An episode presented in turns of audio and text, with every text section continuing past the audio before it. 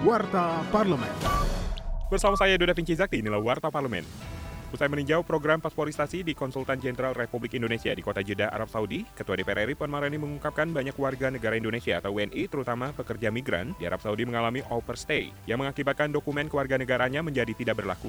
Politisi praksi PD Perjuangan itu mengingatkan pemerintah untuk terus memperhatikan dan memberikan perlindungan bagi WNI di mana pun mereka berada. Karena tugas konstitusional itu tidak hanya berlaku di tanah air saja, tetapi di mana ada orang Indonesia, di situ negara harus hadir untuk melindunginya. Dalam rapat kerja dengan Menteri Pertanian, anggota Komisi 4 DPR RI Nur Aini mengkritisi sikap pemerintah terkait tata kelola beras nasional yang dilihat tidak sesuai fakta dan data, juga tidak terintegrasi dengan benar. Semenjak kami dilantik 2019, 2020 sampai 2022, Pak Menteri menyampaikan surplus beras. Bahkan beberapa bulan yang lalu Pak Menteri menyampaikan baik di media, di forum di DPR juga menyampaikan akan melakukan ekspor beras. Nah ini kan berbanding terbalik yang kemarin kok perubahannya gejolaknya cepat banget gitu.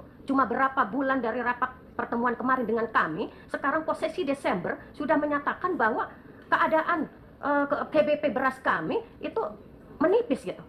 Nah, sinkronisasi ini tolong dijelaskan Pak Menteri. Tidak bisa ini menjawab seperti ini, data ini seperti ini.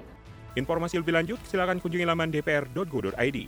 Anggota Komisi 8 DPR RI Matindas Jerumambi mengungkapkan peningkatan harga di tingkat global dapat mempengaruhi daya beli masyarakat prasejahtera akibat tekanan krisis ekonomi global yang berdampak langsung.